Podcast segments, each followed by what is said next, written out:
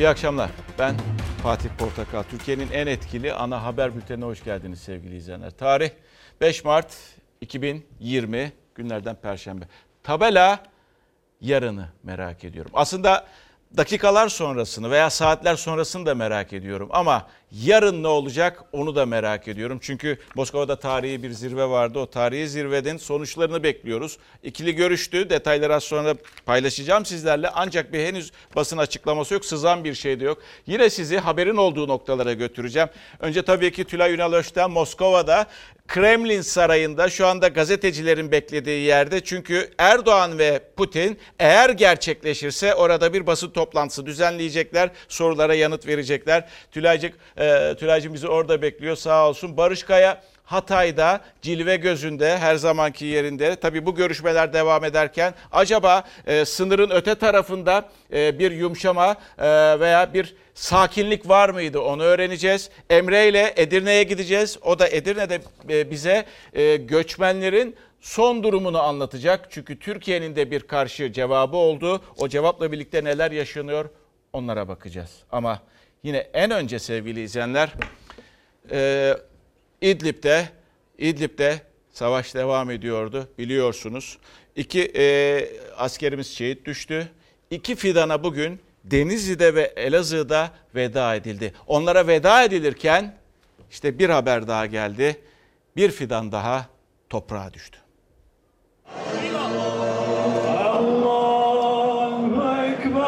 Türkiye iki şehidini sonsuzluğa uğurladığı sırada yürek yakan bir haber daha geldi. İdlib'de rejim güçlerinin saldırısında yaralanan ve hastanede tedavi gören Ulaştırma Sözleşmeli Er Enes Kaya şehit oldu. 26 yaşındaki şehit bir yıllık evliydi.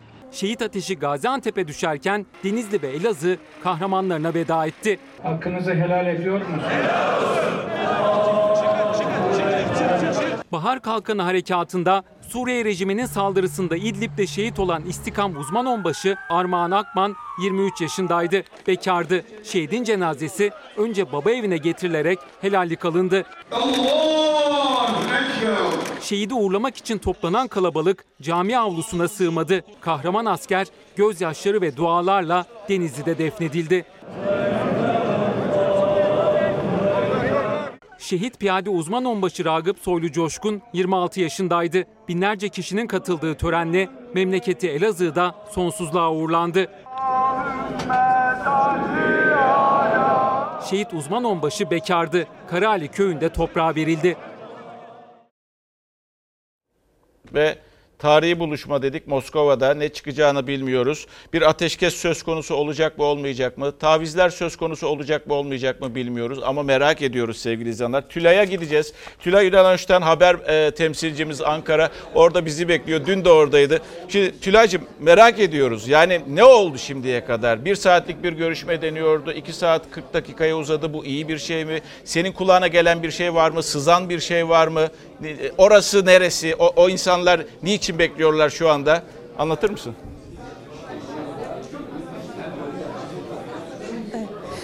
Fatih, öncelikle şu anki ortamı bir anlatayım e, sana, e, size, izleyicilerimizle birlikte. Saat bir buçukta biz bu e, 35-40 e, metrekarelik odaya girdik. Yaklaşık burada 300 belki daha da fazla gazeteci var. Şu an herkes yayın yapmaya çalışıyor.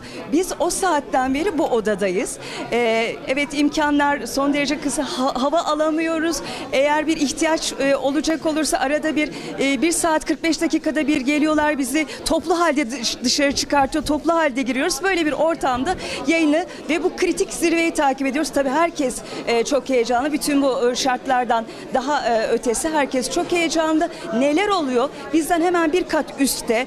Önce liderler buluşması vardı. Putin'le Erdoğan buluşması vardı. Saat 14-11 gibi bir araya geldiler. İlk tokalaşma o dakikalarda oldu. Kısacık açıklamalardan sonra iki lider görüşmelere geçti ve bu tabii bir saat öngörülmüştü. Bu bir taslak programdı aslında e, ve e, 2 saat e, 50 dakikaya vardı. Daha sonra da heyetler arası görüşmelere geçildi. O heyetler arası görüşmelerde 3 bakan da katıldı. Hulusi Akar, Mevlüt Çavuşoğlu ve Berat Albayrak. Karşı taraftan da aynı şekilde heyetlere de e, Erdoğan ve Putin başkanlık etti. Bu görüşme aynı zamanda bir çalışma yemeğinin de e, yenileceği görüşmeydi. Fakat saatler ilerledi. Tabii biz bu e, ilerlemeyi şuna yormaya başladık.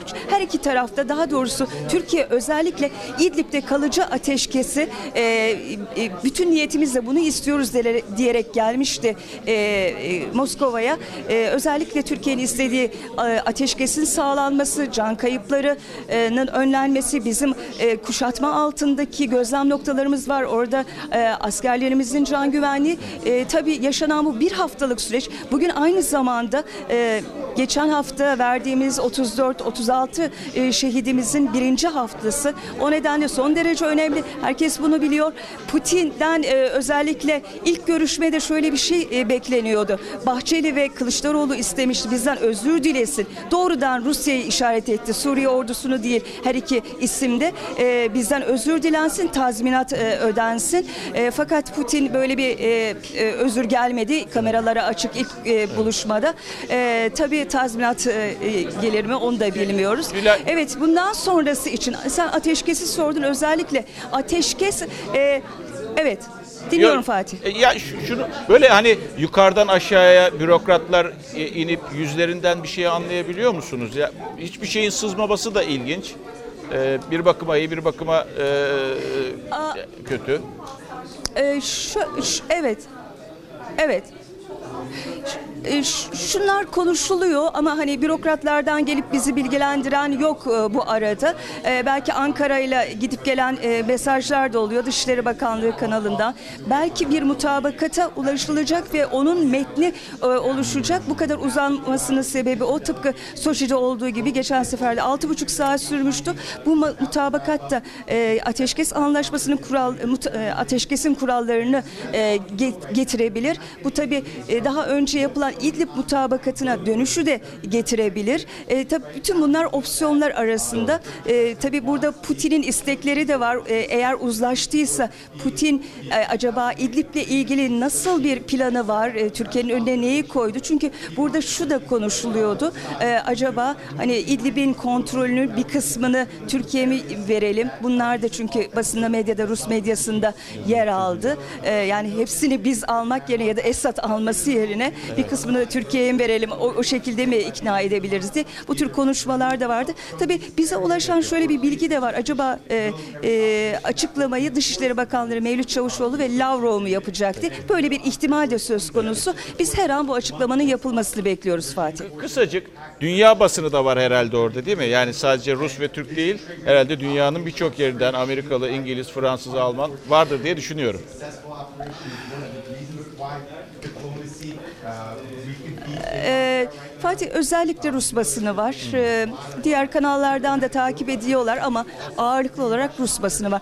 Rusya'da İdlib konusu çok enteresan. Çok fazla gündem olmasa dahi evet e, Rus basını da e, burada takip ediyor.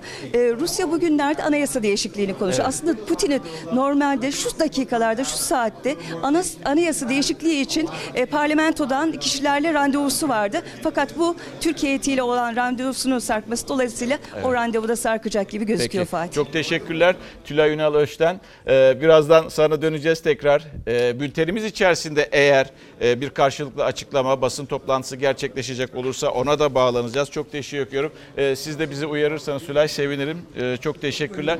Şimdi e, Tülay dedi ki e, tarih, tarihi buluşmada e, ne olacağını göreceğiz dedi. Eğer Soçi mutabakatına dönülmesini istiyor Türkiye ama anladığımız kadarıyla Rusya Soçi mutabakatını delmek istiyor. Zaten öyle bir şey kalmadı aslında bakacak olursanız realde de. Ee, yeni bir mutabakat hazırlığı olabilir dedi. Bu sürenin bu kadar çok uzun olmasının sebebi deneyimli gazetecidir kendisi.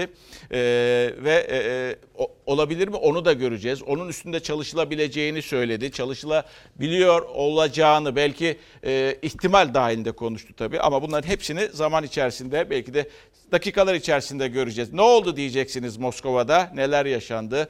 Yaşananlar. Bölgede sıkıntı Biliyorum ki şu anda dünyanın gözü burada. Suriye'de hayatını kaybeden Türk askerleri için başsağlığı diliyorum. İnsanların hayatını kaybetmesi her zaman büyük bir trajedidir. Cumhurbaşkanı Erdoğan İdlib şehitlerini gündeme getirmek için kameraların çıkmasını bekledi ama Rus lider Putin şehitlerle başladı konuşmasına. Taziye diledikten sonra 33 askerin şehit düştüğü saldırıda bir kez daha rejimi savundu. Türkiye Türk askerlerinin yerini bildirmedi dedi.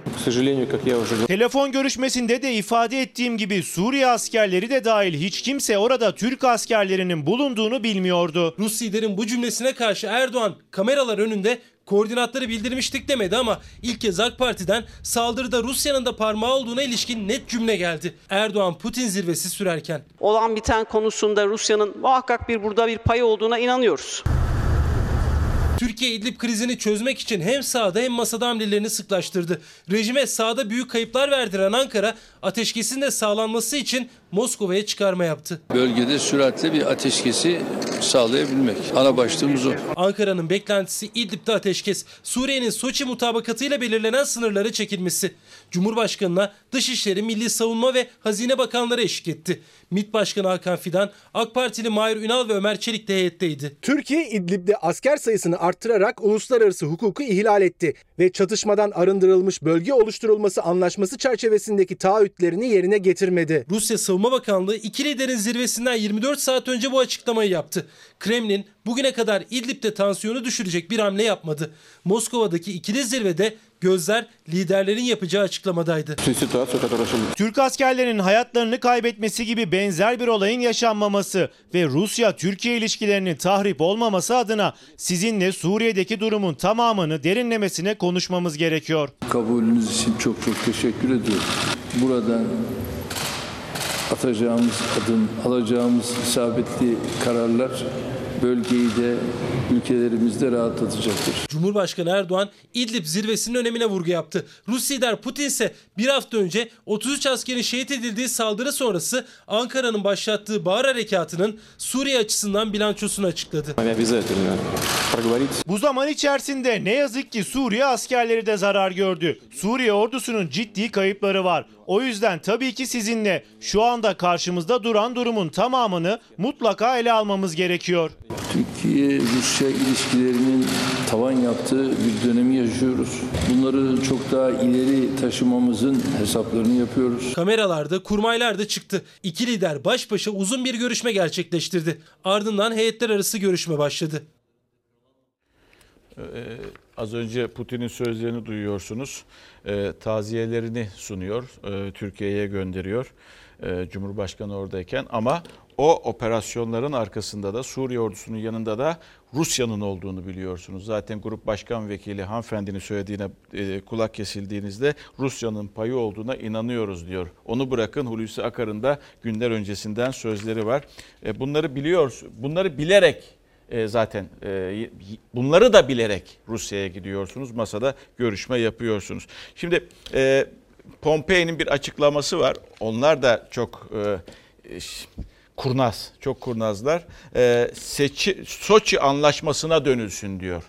Pompeo Soçi anlaşmasına dönülsün diyor ama Soçi'ye dönülmeyeceğini 3 aşağı 5 yukarı artık anladık sevgili izleyenler. Şimdi haberi izlerken orada bir alt başlıkta bir cümle vardı.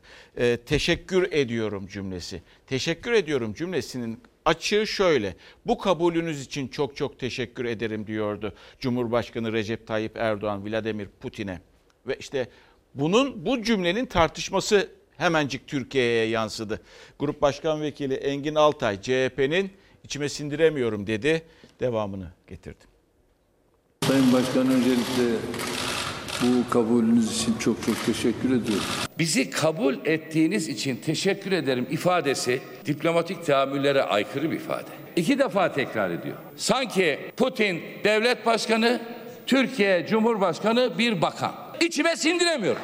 Sindiremiyorum. Bir nezaket cümlesini alıp bu kadar yüksek tonda bir yere taşımayı iyi niyetten uzak olarak addediyorum. Dünya Moskova'daki görüşmeden çıkacak sonuca kilitlenmişken daha o zirve başlamadan Cumhurbaşkanı Erdoğan'ın kurduğu bir cümle Türkiye Büyük Millet Meclisi'nde yankılandı. Tekrar bu kabul için teşekkür ediyorum. 57 şehidimizin kanından Esad ne kadar sorumluysa Rusya da o kadar sorumludur.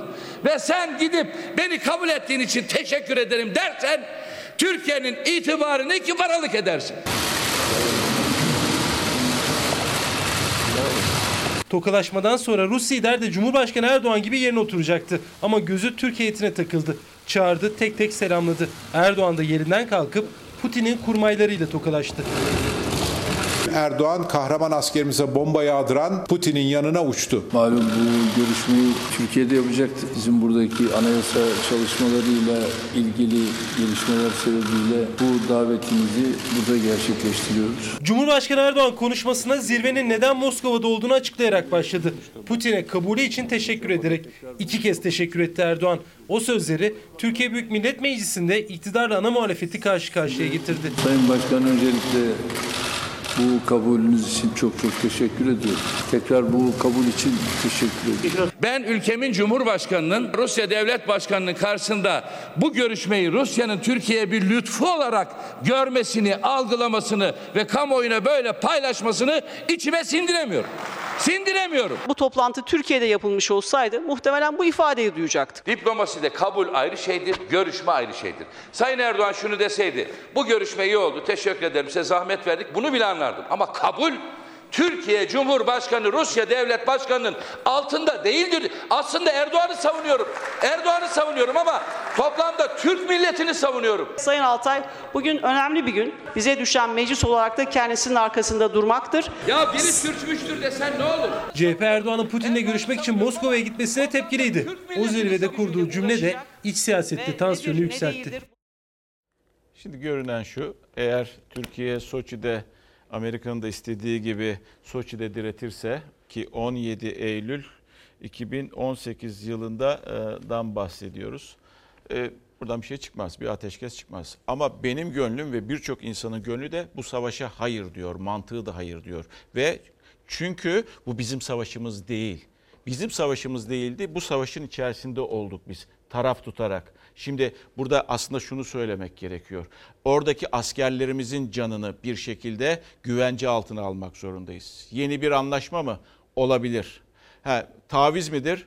Taviz verilebilir. İnsan canı çok çok önemli. Her şeyden önemli. Onun için belki de o yeni bir anlaşma üzerinde konuşuyorlar, ediyorlar. Ha, o anlaşma gider mi? Ha, belki 3 ay, 5 ay, 6 ay idare eder. Ondan sonra tekrar kalıcı bir ateşkes olacağını zannediyor musunuz? Hayır.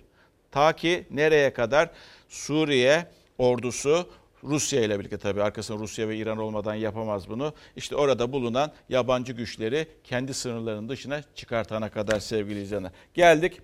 Ee, Büyükelçi tam işte bakın bir e, zamanlama manidar denilebilecek bir durumdan geçiyoruz. Hangi durumdan geçiyoruz? E, biliyorsunuz öldürülen Rusya Büyükelçisi vardı Andrev Karlov ve arkasındaki kişi tarafından öldürülmüştü.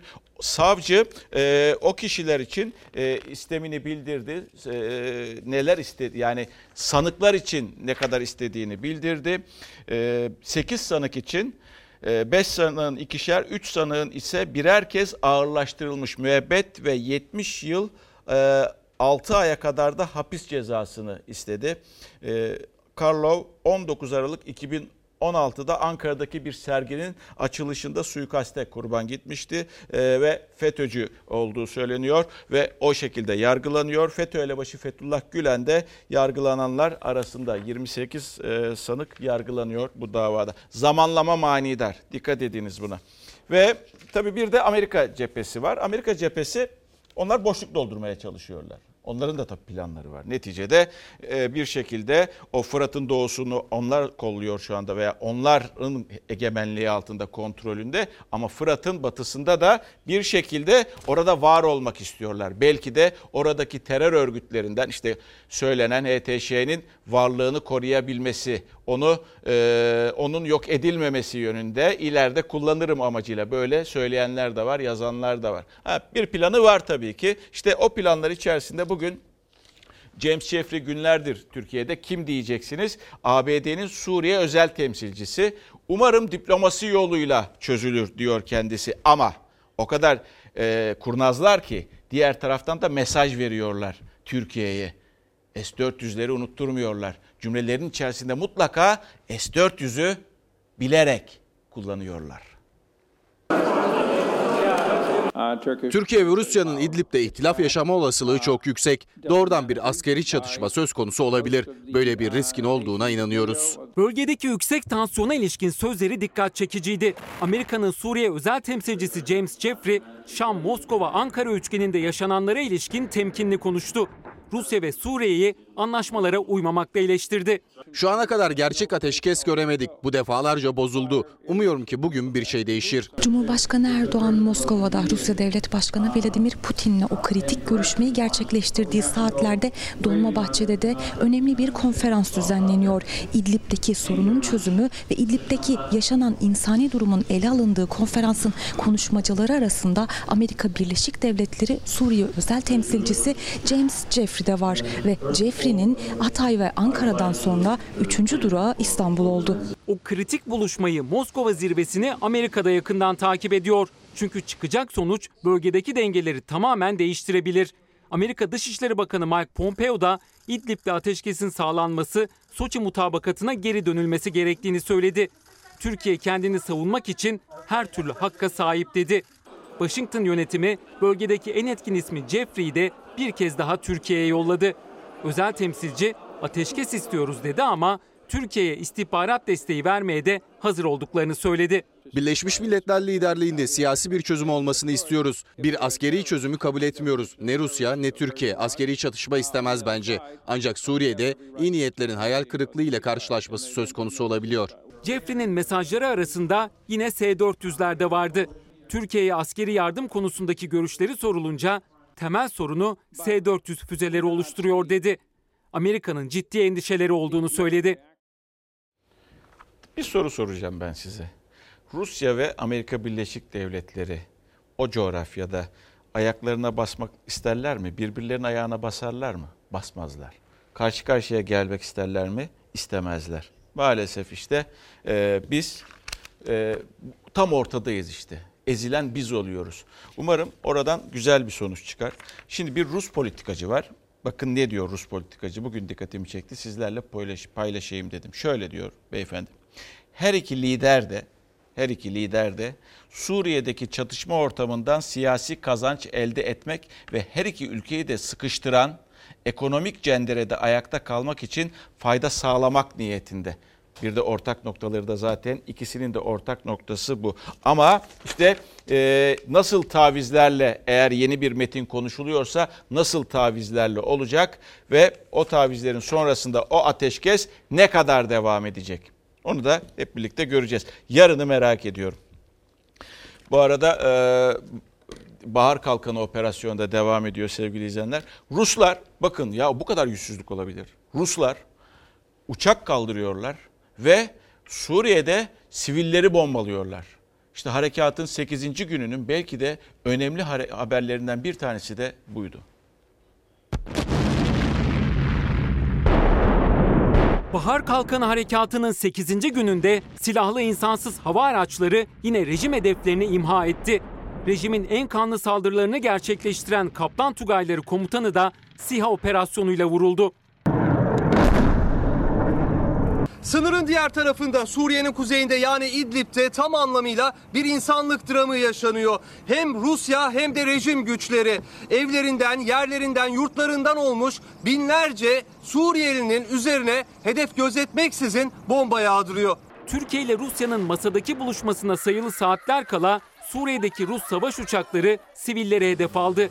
Hem de günün en karanlık saatlerinde sabaha karşı saat 03.30'da Rus jetleri İdlib'in Maret Mısrin beldesi üzerinde göründü. Evlerinden kaçan bir tavuk çiftliğine sığınan aralarında çocukların bulunduğu sivillerin üzerine bomba yağdırdılar. Çoğu çocuk 16 sivil hayatını kaybetti.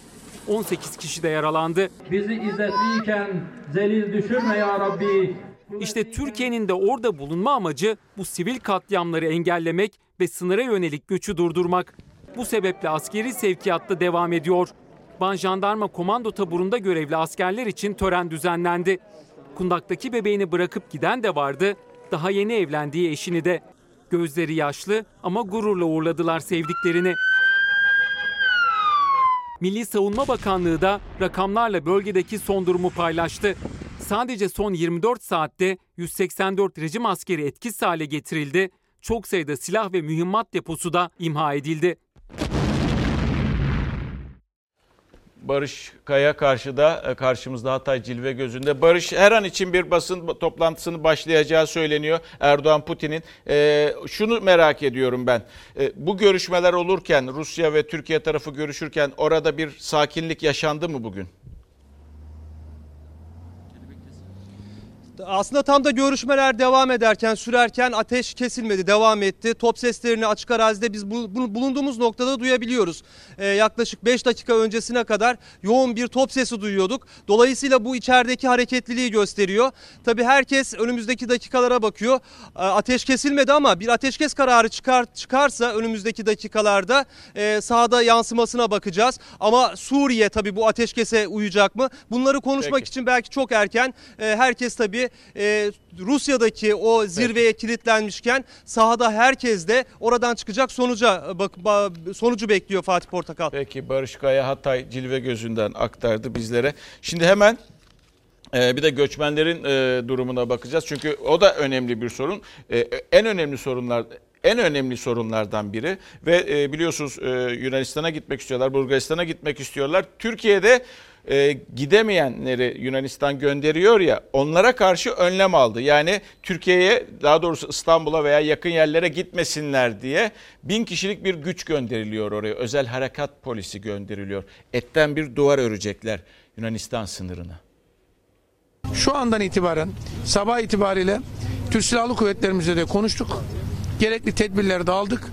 Bin özel harekat polisini Meriç'in e, tüm e, sınır sistemine getiriyoruz ve e, tam donanımlı geri itmeleri engellemek amacıyla Zodyak botlarıyla beraber insanlara kötü muamele edenlere fırsat tanınmayacak. Yunanistan'ın uluslararası kurallara göre bu insanları geri çevirme hakkı yok. Ateş açtılar, gaz bombası attılar, botlarını batırmaya çalıştılar. Yunan güvenlik güçlerinin mültecilere yönelik şiddetine karşı Türkiye'de adım attı. Bin özel harekat polisi Meriç Nehri kıyısında görevlendirildi. Şunu söyleyeyim. Çocuklara çok e, ciddi derecede darp yapıyorlar. Özellikle çocuklara. Ve e, aileleri acıtmak için ve geri dön- döndürebilmek için kendini medeniyet değerleri olarak nitelendiren Avrupa'ya da tam da bu yakışıyor. İçişleri Bakanı Süleyman Soylu'nun sınır hattında inceleme yaptığı dakikalarda Mehmetçik'te güvenlik önlemlerini artırdı. İşte Yunan sınır kulesinin hemen karşısında bir zırhlı aracımız sınır hattının güvenliğini sağlıyor. Soylu Türkiye-Yunanistan sınırını havadan inceledi. Sonra da sınırı geçen mültecilerin sayısını açıkladı ve o sayıyı nasıl hesapladıklarını. Dördüncü mekanize mıntıkasında 12-20 itibariyle söylüyorum 53.323 54. mekanize mıntıkasında 85.747 toplam 139.070 sadece Edirne'den geçen 23 hudut karakolumuz var. 8 de hudut bölüğümüz var. Şimdi yakalamıyoruz. Sadece bir şey yapıyoruz. Geçenleri sayıyoruz. Mültecilerin bekleyişi ise sürüyor. Soğuk ve açlıkla mücadeleye bir de sağanak eklendi Edirne'de. İşte bunları hep yağmurda altına yattılar dün akşam.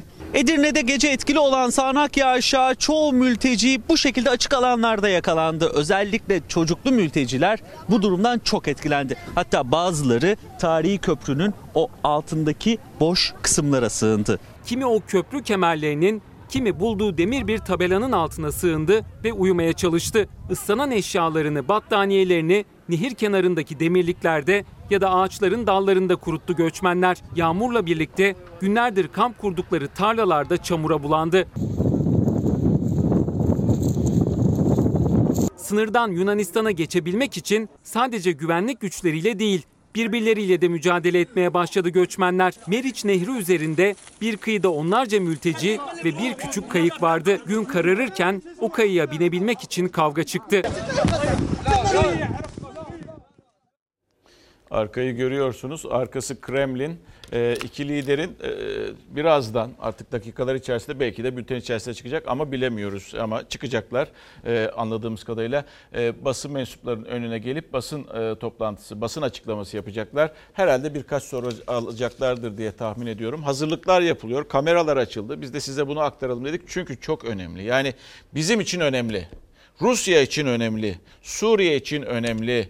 Bu bölge için önemli ve e, dünya için önemli, Avrupa için önemli. Çünkü Avrupa neden çekiniyor? Çünkü bu göçmenlerin kendi ülkelerine gelmelerinden çekiniyor. İşte az önce de haberi paylaştık sizlerle. Emre de bizi Edirne'de bekliyor sevgili izleyenler. Edirne'ye gidiyoruz. Edirne merkez mi arkası? Fatih Portakal Edirne merkez diyebiliriz. Tarihi Tunca Köprüsü'nün hemen yanı başındayız. Tunca Nehri'nin kenarındayız. Burada da arkamda gördüğünüz gibi çoluk çocuk mültecilerin sayısı da artmaya başladı. Yani sadece sınır kapılarında, sınır hattında, Meriç hattında değil bulunduğumuz işte tarihi Edirne e, merkezin hemen yanı başında da görüyorsunuz. Arkamızda o birikmeler başladı. Mülteci sayısı da burada artmış durumda. Peki. Ee, ya hava nasıl? Bir de kısacık ondan bahseder misin? Yağmur görülüyor. Soğuk da var. Fatih Portakal hava gerçekten çok soğuk. Dün sağanak yağışlıydı. Şimdi biz yayına başlarken bilmiyorum fark edebiliyor musunuz ama yağmur çiselemeye Evet. başladı. Yani burada toplanan o yüzlerce mülteciyi zor ve soğuk bir gece bekliyor. Tabii buna bir de yağmur eklenirse işleri daha da zor olacak. Peki Emre Eskübarlas teşekkür ediyorum. Edirne'deydi. Ee, tabii Emre'nin dün bir haberi vardı. Ee, biliyorsunuz o haberi. Ee, Menice e, Menice'den bahsediyordu. Bir çocuk, kız çocuğu ve o kız çocuğu Türkiye'ye gelmişti bir buçuk yıl önce.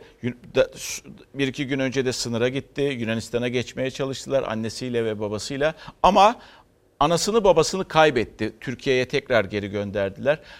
Neticede bugün için babasını buldu. Babasıyla arkadaki bu fotoğrafı paylaştı. Gel gel gel gel. Bu kadar acının ve kötü haberin içinde belki de yüzlerin güldüğü tek andı. Minice ailesiyle buluştu. O anlardaki mutluluğun tarifi yoktu. 10 yaşındaki Menice ve ailesi Afganistan'dan gelmişlerdi. Bir buçuk yıldır Konya'daydılar. Umut yolculuğuna çıktılar. Sınırı geçtiler ama Yunanistan polisi onları yakaladı ve geri gönderdi. Menice ayrı bir araçta, ailesi ayrı bir araçtaydı ve bir anda Menice yapayalnız kaldı. Biz de arabayla bindik. Arab, arab, e, ben sandım annem akraba. Ama annem de akrabam değil. Beni başka bir arabayla e, şey yaptı. Onları başka bir arabayla Gönderdiler. gönderdi. Yunanistan'dan gidiyoruz Türkiye'ye gönderiyorlar. Annemle babamla hiç haberim yok. Neredeler ailem? O kadar kalabalığın ve belirsizliğin içinde bir de ailesiz kalmak en zor olanıydı. Annemden haber alamıyorum hiçbir biri. Türkiye'de gittim bile hiçbir hiçbir yeri yoktu. Çok özledim ama yani hiçbir yeri yoklar. Bu dram görülür görülmez herkes harekete geçti ve Minice'nin gözyaşlarını dindiren o haber geldi. Baba Seyit Arapzade'ye ulaşmıştı yetkililer. Günler sonra da gözleri yaşartan o buluşma gerçekleşti. Gel gel gel. Ben çok mutluyum ki babamı bulduğum için, annemi bulduğum için, Türk milleti için de çok teşekkür ederim. Yoksa Yunanistan olsaydı böyle bir şey yapmazdı. Her çocuğa vuruyordu, her annesini vuruyordu. Millet Türkiye'ler, polis Türkiye, jandarmalar, Mahmut abi, Bilgin abi hepsi bana yardım verdi. Nur Hanım yarını merak ediyorum demiş. Yarınlar inşallah aydın olur. Şehitlerimiz olmaz. Bakınız bu ülkede savaşa hayır diye insanlar yürümek istiyor. İstanbul, Aydın bir iki yerde böyle yürü, yürüyüş yapmak isteyen insanlar e, yasak konuluyor valilikler tarafından. Bu da anlaşılabilecek bir şey değil. Savaş kötü bir şeydir ya. Savaş üzüntü demektir. Bize ait olmayan bir savaştan bahsediyoruz. Kurtuluş Savaşı'ndan bahsetmiyoruz. Ve bize ait olmayan bu savaşın içerisinde şu anda çıkış yolu arıyoruz sevgili izleyenler. Böyle de tuhaf karar veren valilikler var. Savaşa hayır yürüyüşü yapmak isteyen insanları yürütmeyenler. Bu Suriye olayının yansıması da oluyor siyasete ve gergin anlarda yaşanıyor demiştik. İşte dün mecliste e, kavga kavga yaşanmıştı ve bu kavga nasıl başladı diyeceksiniz. Kavga birazdan kavganın nasıl başladığını anlayacaksınız. Diğer taraftan işte o kavganın bir parçası olan CHP'li yetkili de Engin Özkoç da e, Özkoç içinde e, fezlekesi e, Adalet Bakanlığı tarafından imzalandı. Ve soru bu. Dokunulmazlığı kaldırılacak mı?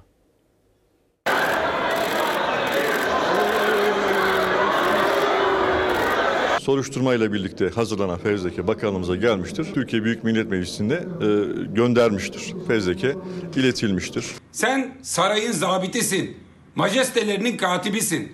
Yargı bağımsızlığından zerre nasibini almamış birisinin Adalet Bakanlığı koltuğunda oturması kadar bütün Türkiye'ye utanç verecek bir başka mesele yoktur. İktidar milletvekillerinin fiziki müdahalesine de maruz kalan CHP Grup Başkan Vekili Engin Özkoç hakkında jet hızıyla soruşturma açıldı. Hakkındaki fezleke 24 saat içinde Adalet Bakanlığı'nda imzalanıp meclise gönderildi. Dokunulmazlığının kaldırılması gündemde. Mutlaka hesabı sorulacaktır. Buna teslim olmayız. Buna karşı boyun eğmeyiz. Birimizi bu meclisten götüremezsiniz. Gücümüzü milletten alıyoruz. Mecliste iktidarla ana muhalefeti yumruk yumruğa getiren neden Engin Özkoç'un Cumhurbaşkanı'na hedef alan sözleri aslında Erdoğan'a verdiği yanıt. AK Parti Genel Başkanı Cumhurbaşkanlığı koltuğunun arkasına saklanarak Genel Başkanımıza ağza alınmayacak sözlerle hakaret etmiştir. Etmedi diyen varsa buyursun iktidara en yakın gazetenin birinci sayfasına bir baksın. Grup Başkan Vekilimiz Engin Özkoç aynı gün bu hakaretleri geldiği adrese aynı ifadeleri kullanarak iade etmiştir. Basit, alalade, seviyesizce, e, alçakça ifadeler hakaretler siyaset değildir. İktidar Engin Özkoç'u Cumhurbaşkanı hakaret etmekle suçladı. Erdoğan da CHP Grup Başkan Vekili hakkında 1 milyon liralık tazminat davası açtı. Kılıçdaroğlu da aynı ifadeleri kullandığı gerekçesiyle Erdoğan hakkında 5 kuruşluk dava açtı. Siz söyleyeceksiniz biz susacağız. Siz hakaret edeceksiniz biz susacağız. Siz aşağılayacaksınız biz susacağız. Siyaseti böyle yaparsanız aynı şekilde karşılığını alırsınız alacaksınız. Sözlerinden geri adım atmayan Engin Özkoç'un dokunulmazlığının kaldırılması gündemde. Çünkü hakkında Cumhurbaşkanı'na hakaretten soruşturma açıldı ve fezleke Adalet Bakanlığı'ndan meclise gönderildi. Bundan sonraki süreç Türkiye Büyük Millet Meclisi'nin takdiridir. Meclisin çatısı altında milletvekillerinin söyledikleri sözler tam sorumsuzluğa tabidir. Engin Özkoç hakkındaki fezleke meclis gündemine alınacak mı? Gözler Meclis Başkanlığında Engin Özkoç ise hakkında hemen soruşturma başlatan Cumhuriyet Başsavcı Vekilini görevini kötüye kullandığı gerekçesiyle HSK'ya şikayet etti. Zannedersem meclis başkanı aynı şeyleri Sayın Cumhurbaşkanı da söylüyor. Sayın Cumhurbaşkanı ilk başta bu cümleleri kurmasa, o hakaretler edilmese bunun olmayacak zaten böyle bir şey yaşanmayacak. Onun için Cumhurbaşkanı veya milletvekili veya her kimse kimse kimseye hakaret edemez. Arkada geçenleri görüyorsunuz. Onlar Kremlin Sarayı çalışanları. Ee, Tülay e, az önce bir bilgi paylaştı. Hayetler arası görüşme sürüyor dedi. Ee, ve uzun bir gece olacak gibi geliyor sevgili izleyenler. Ee, ama Tülay yarın sabahleyin İsmail'in programına katılacak. Orada en azından geceden sabaha veya akşamdan sabaha neler yaşandı detayları sizlere aktarmaya çalışacak.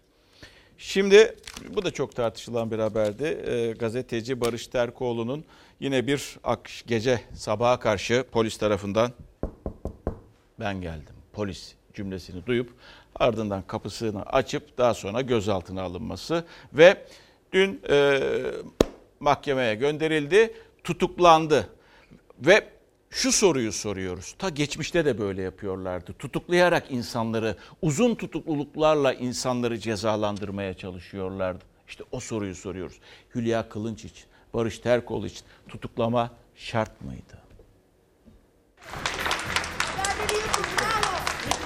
Her aşamasında e, 9 sene öncesine bile bunu söylemekten gerçekten çok üzüntü duyuyorum ama şöyle bir benzetme yapabiliriz. Yumruk yine aynı yumruk bir varsa el değişti diyebiliriz. Sabaha karşı 4'te evinden gözaltına alındı. Neredeyse 24 saat sonra gece saat 03'te tutuklandı. FETÖ kumpasıyla 19 ay hapis yatan gazeteci ve yazar Barış Terkoğlu 9 yıl sonra bu kez Libya şehidi haberi nedeniyle cezaevine gönderildi. Muhalefetten geçmiş FETÖ taktiği hatırlatmaları gelirken MİT kanuna karşı geldiği iddiasıyla tutuklanan Terkoğlu dikkat çekici bir savunma yaptı. Bundan 9 sene öncesinde ben bu salonlarda bir MIT yöneticisiyle sanık oldum. O MIT yöneticisinin adını vermiyorum. Cezaevinde katledildi. O gün adı soyadı, ailesinin adı, adresi iddianamelere konuldu, medyaya servis edildi. Bunun yanlış olduğunu ben savundum. Bir milletvekili mecliste bu olayı anlatıyor. Barış Terkoğlu o olayı anlattığı için tutuklanıyor. Hiçbir mantıkla, hiçbir siyasi yaklaşımla izah etmek mümkün değildir. MİT tırları hadisesinde hep bunlar savunulmuştu. Yani bu konular siyaset üstü meselelerdir. Cumhurbaşkanı Erdoğan'ın bir açılış sırasında Libya'da şehitlerin olduğunu açıklamasıyla siyasi arenada başlayan tartışmada İyi Parti milletvekili Ümit Özdağ basın toplantısıyla bilgileri paylaşmış. Bazı gazetelerde de haber olmuştu Libya şehidi. Günler sonra aynı haberin Oda TV'de yayınlanmasıyla Barış Terkoğlu ve muhabir Hülya Kılınç gizli bilgileri ifşa iddiasıyla tutuklandı. Bütün Manisa'nın konuştuğu bir cenazeyi haberleştirmişler. Konuşturan ne? MİT müsteşarının siyah bir tane kocaman çelenk yollayıp üstüne de teşkilat başkanı yazdırması. Yazdırmasaydın Gözaltı bilgisini saatler öncesinde duyuran bazı sosyal medya hesapları da dikkat çekti. 9 yıl önce FETÖ kumpasıyla Oda TV davasında yargılanan gazeteci Barış Terkoğlu bu süreci biliyordu ve avukatı Serkan Gürel'i saatler öncesinden uyardı. E, Sosyal medyada önce bir saldırı başladı. Oğlunu annesinin yanına yolladı. Sabaha kadar bekledi. Ve polislerin de ifadesidir. Kapıyı iki kere çaldırtmadı Barış Terkoğlu. Bunu neden söylüyorum? Tutuklama sebeplerinden bir tanesi kaçma şüphesi. Avukatları ise karara itiraz edecek. Göz göre göre e, hukuksuz bir şekilde tutuklamaya gideceği baştan belliydi. Değişmiyor Türkiye'de bir şeyler ama geçmişten bir şey öğrenmiş iktidar en azından. Hala da onda ısrar ediyor öğrendiğinde doğru olmadığını bildiği halde. Metropol'ün bir araştırması var. Yine bu İdlib olayıyla ilgili. Bizim halkımıza soruyorlar. %48 İdlib'de asker bulundurmayı gerekli görmüyor. %30.7 sadece İdlib'de asker bulunsun diyor. Benim anlamadığım %25 bu soruya cevap vermiyor. Neden cevap vermiyor? Korkusundan mı, endişesinden mi? Ama bakın o kör, korku perdesini nasıl o yüzde 25'in üzerine e, örtmüşler. Korkmayın. Cesaretli olun. Cesaretli olun. Konuşmamız gerekiyor. Susmamamız gerekiyor. Dile getirmek gerekiyor. Doğruyu bir gün geldiğinde onlar da görecekler zaten. Korkmayalım. Cesaretli olalım, konuşalım. Ve koronavirüsü, koronavirüsünde de Sağlık Bakanı konuştu belki de Türkiye gerçekten etrafımıza baktığımızda en iyi e, yöntemi uyguluyor. Şu ana kadar Türkiye'de herhangi bir sıkıntı yok ama Sağlık Bakanı dikkatli olmakta fayda var diyor. Bugün itibariyle birçok sınır komşumuzda dahil 84 ülkede vaka görüldü. Polonya, Ukrayna gibi ülkelerde de tespit edildi. Salgın yayılıyor. Koronavirüsten hayatını kaybedenlerin sayısı 3000'i geçti. Virüs Türkiye'nin tüm sınır komşularına ulaştı. Türkiye üzerinden Singapur'a giden Türk Hava Yolları'na ait uçaktaki Fransız bir yolcuda da koronavirüs tespit edildiği açıklandı.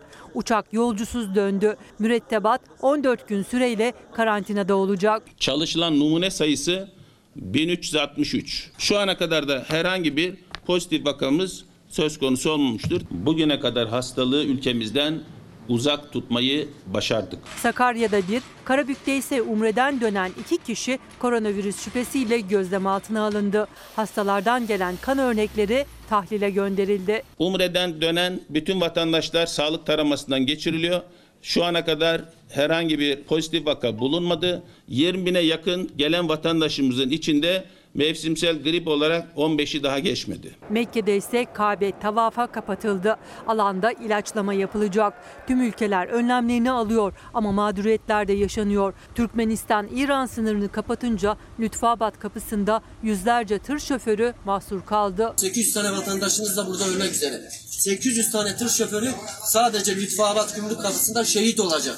15 gündür bir park alanında tutulan ve dışına çıkarılmayan 800 şoför yiyeceklerinin bittiğini, hiçbir ihtiyaçlarının karşılanmadığını söyledi, yardım istedi. Yeter artık ya bıktık ya. Bir an önce elinizi uzatın. Yoksa burada çok büyük eylemler yapacağız.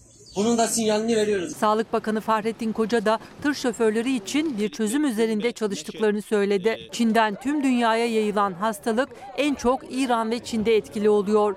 İtalya'da ölenlerin sayısı 107'ye, İran'da ise 92'ye yükseldi. Sınırlarımızdaki kontrolsüzlük giderek ülkemizi risk altına sokmakta. Önemli olan bulaşıcılığı önlemek. Vatandaşımızın yurt dışına mümkün mertebe bu dönemde çıkmaması. Dönüşlerinde 14 gün kendilerini evde izole etmelerini rica ediyorum. Bakınız az önce dedik yani cesaretli olun, evet korkmayalım, etmeyelim. Freedom House, Özgürlük Evi e, bir araştırma yapıyor. Özgürlük, özgür ülkeleri anlatmaya çalışıyor. Geçen yıllardan bu yılda Türkiye'yi özgür olmayan ülkeler listesine aldı. 195 ülke arasında e, bu değerlendirme yapıldı. 83 ülke özgür, 63 ülke kısmen özgür, 49 ülke özgür değil ama bizi yönetenlere bakarsanız biz gayet özgür bir ülkede yaşıyoruz aslında. Ha işte yönetenlerimiz nerede şu anda? Moskova'da onu da söyleyelim. Cumhurbaşkanı e, Recep Tayyip Erdoğan yanındaki heyetle birlikte e, Moskova'da Kremlin'de Putin'le görüştüler ve o görüşme hala da devam ediyor. Daha doğrusu ikili görüşme bitti ama heyetler arasındaki görüşmeler devam ediyor ki olası bir olası bir e, yeni e, metin üzerinde de çalışılıyor olabilir. Yeni bir Soçi olabilir yani yeni bir Soçi mutabakatı oluşturuluyor olabilir ama bunu şu an için bilmemiz mümkün değil. İlerleyen dakikalar gösterecek veya saatler gösterecek. Ne var ki uzun bir gece olacağını zannediyoruz sevgili izleyenler. Reklam. Sizler de merak ediyorsunuz, bizler de merak ediyoruz. 5 saat 40 dakikadır devam ediyor. Tarihi zirve sürdü. Ee, açıklama yapılacak ama bakın alttaki başlık önemli. Açıklamayı Dışişleri Bakanları yapacak açıklaması e, soru işaretlerini kafada doğuruyor. Çünkü Putin ve Erdoğan'ın birlikte basın toplantısı yapması bekleniyordu. Şimdilik o görünmüyor veya şimdilik ertelenmiş görünüyor veya gelen bilgi bu yönde Dışişleri Bakanları Çavuşoğlu ve Lavrov'un açıklama yapacağı söyleniyor. Detaylar tabii ki yarın sabah e, Çalar Saat'te e, İsmail Küçükkaya'nın programında olacak. Tülay Ünal Öşten de ne yaşandı geceden sabaha onları anlatacak hepimize. Bizden sonra Mucize Doktor dizisi var. izleyebilirsiniz. Yarın daha mutlu, daha huzurlu, daha güvenli bir dünya ve tabii ki Türkiye'de buluşmak umuduyla. Hoşçakalın. Ezilir yerler için